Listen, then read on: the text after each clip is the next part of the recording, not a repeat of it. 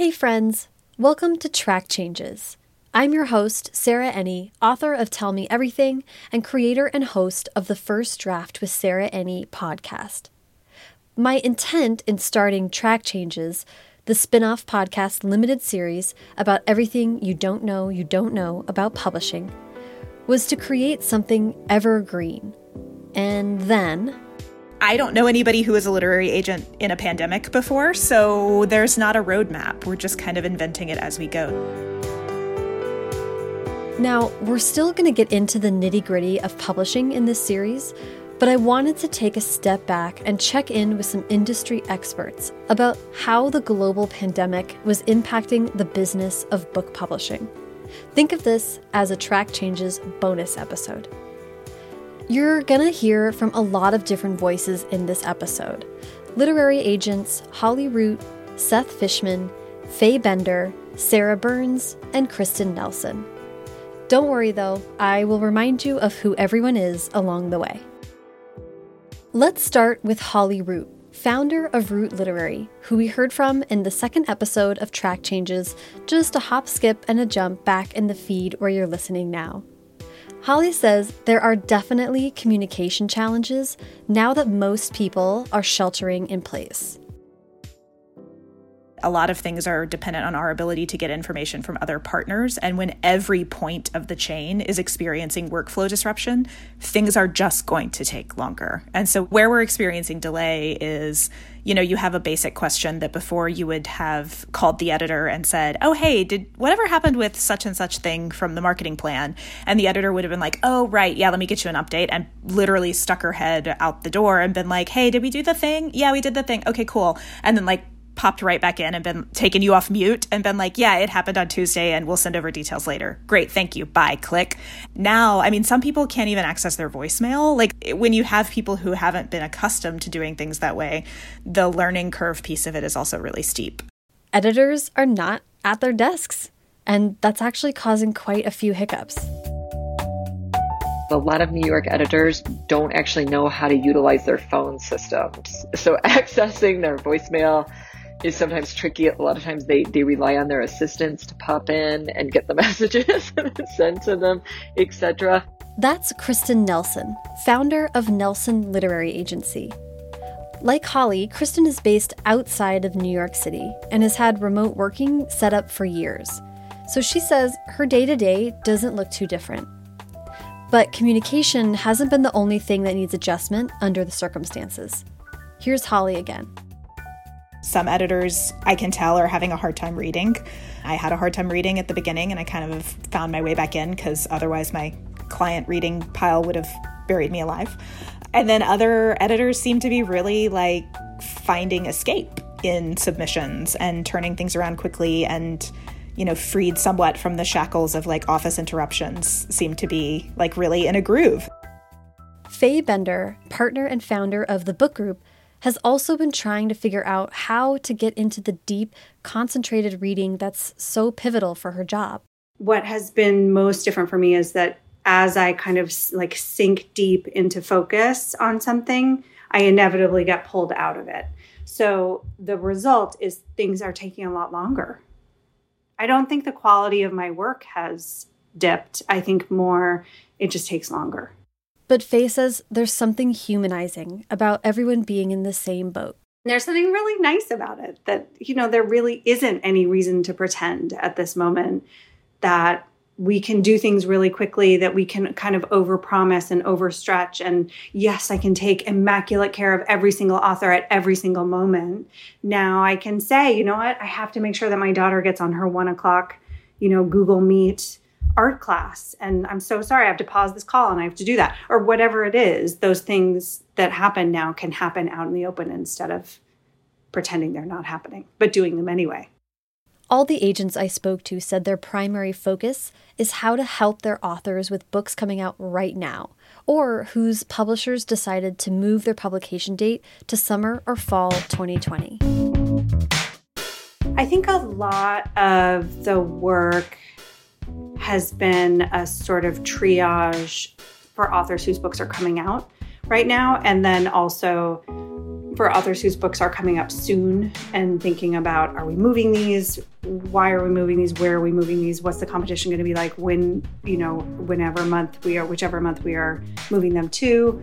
So there's a lot of thinking about you know virtual events? And are people actually going to the virtual events? And if they go to the virtual events how many are buying copies of books? And can you do ticketed virtual events? And what is it like what if somebody has bad internet and it all goes you know belly up while they're in the middle of it?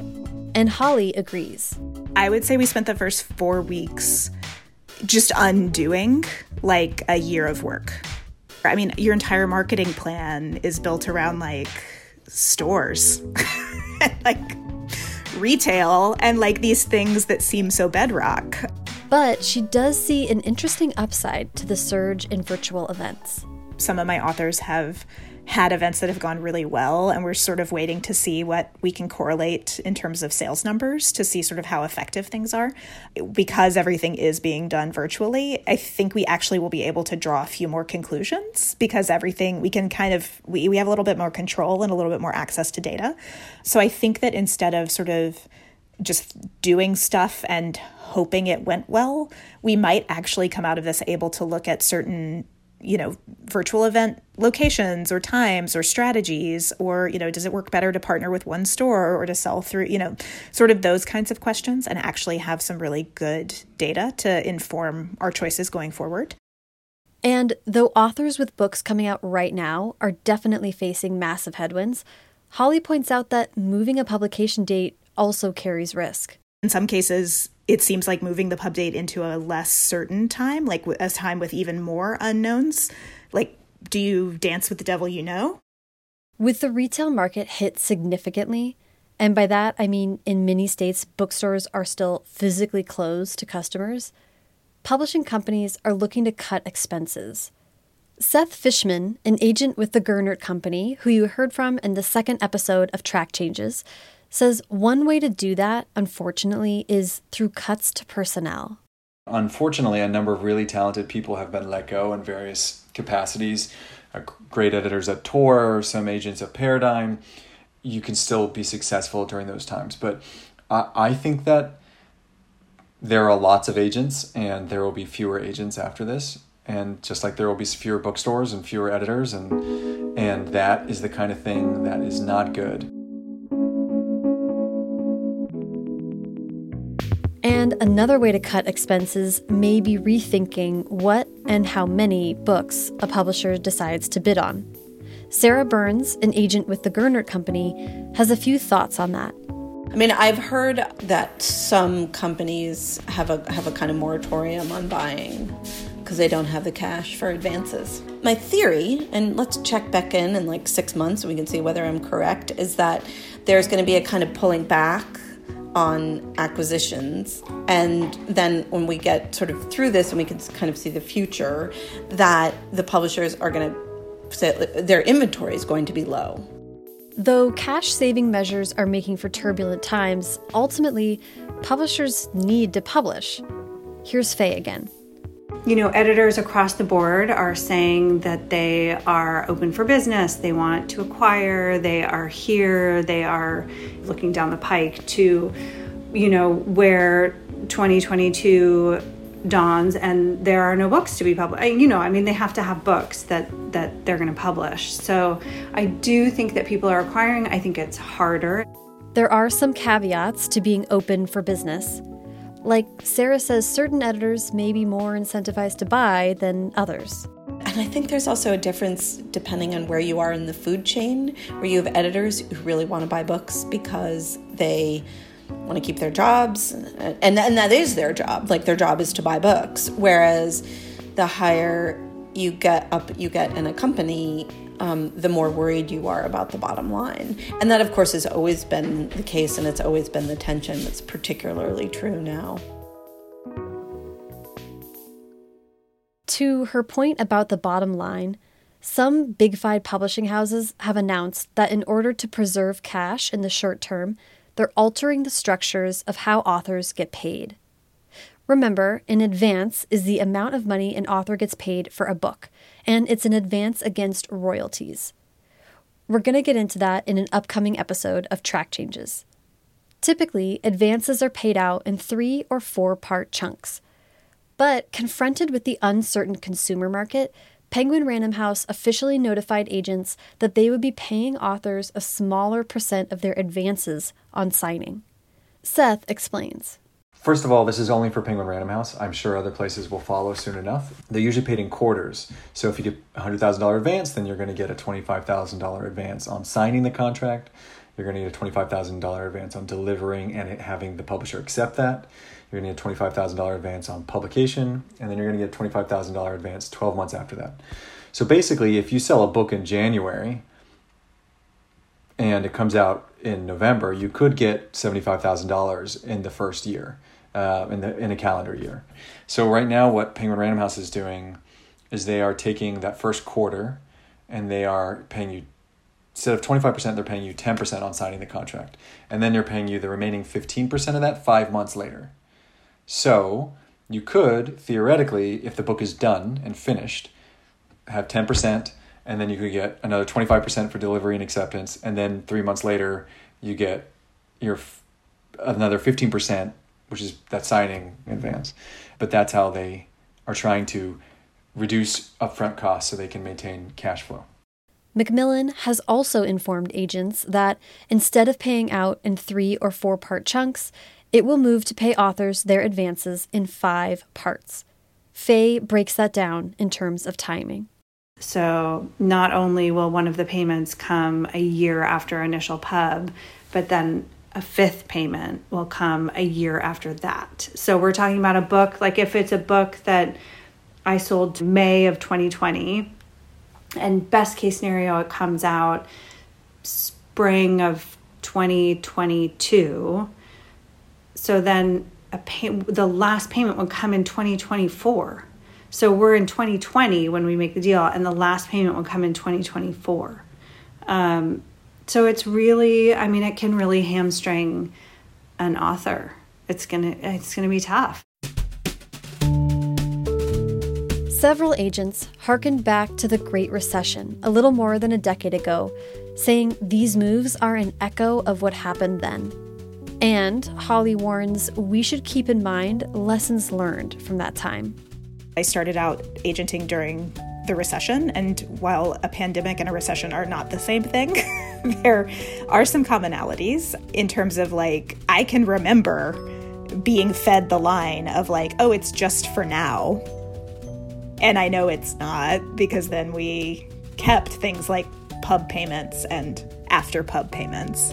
So there's a there's a little bit of that too where I'm like kind of eye rolly about the like maybe not the first person jumping up for like, yes, let's band together. I'm like, I've heard that line before, friends. Like, to me, it is hard to read that as anything other than like multinational corporations passing off hardship to like sole proprietor creators in order to like return better investments for their shareholders. And that is a real rage starter if you just want to get right down to it.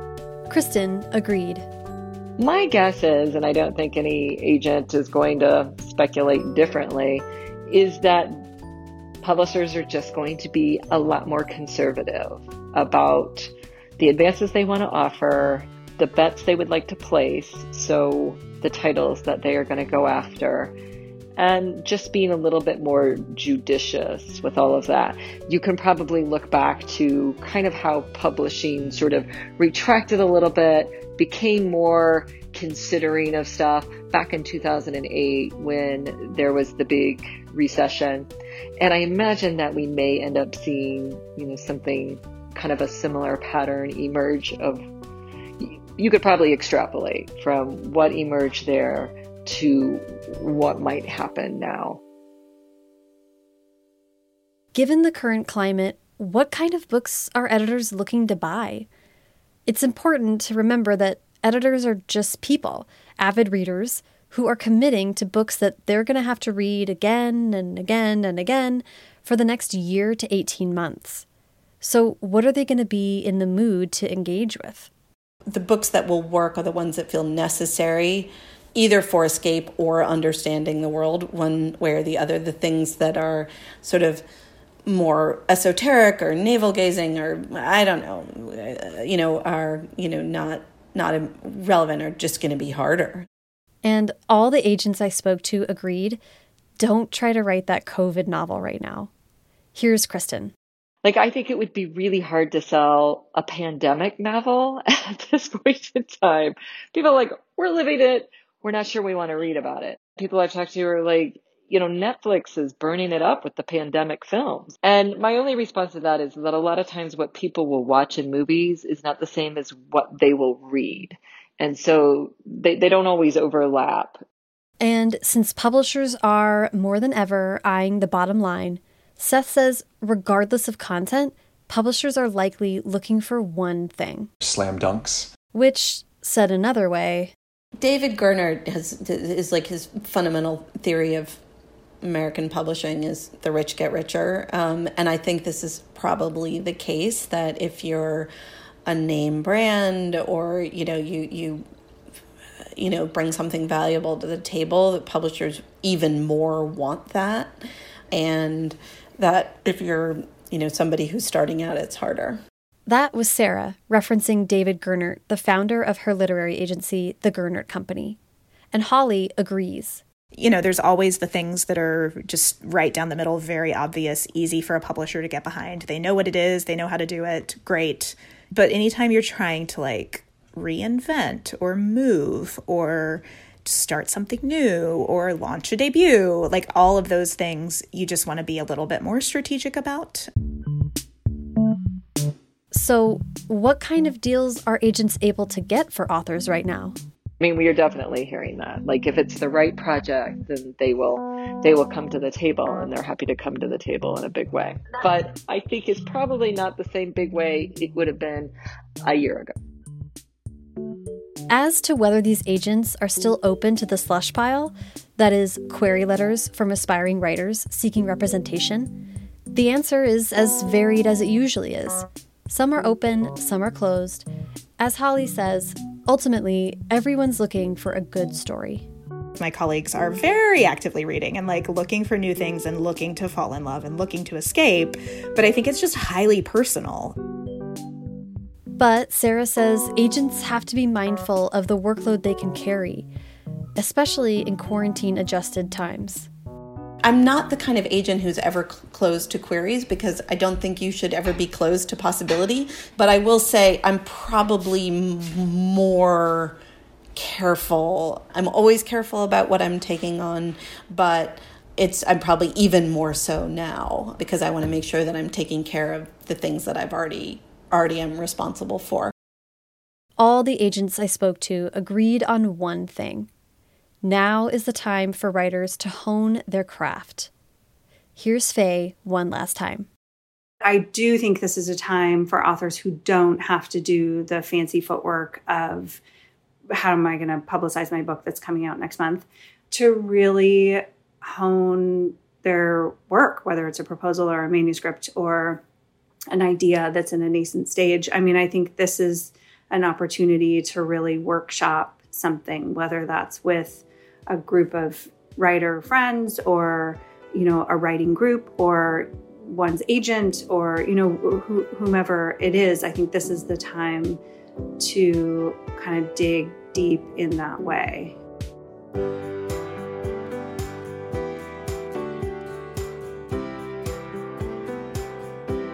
Thank you for listening to this bonus episode of Track Changes. If you have your own stories about how publishing has been impacted, you can send those to me at info at firstdraftpod.com. The agents I spoke to for this episode include Sarah Burnes and Seth Fishman, both with the Gernert Company, Faye Bender at the Book Group, Kristin Nelson at Nelson Literary Agency, and Holly Root at Root Literary. You can find links for all of them in the show notes of this episode at firstdraftpod.com. Follow me at Sarah Enni on Twitter, Instagram, and everywhere.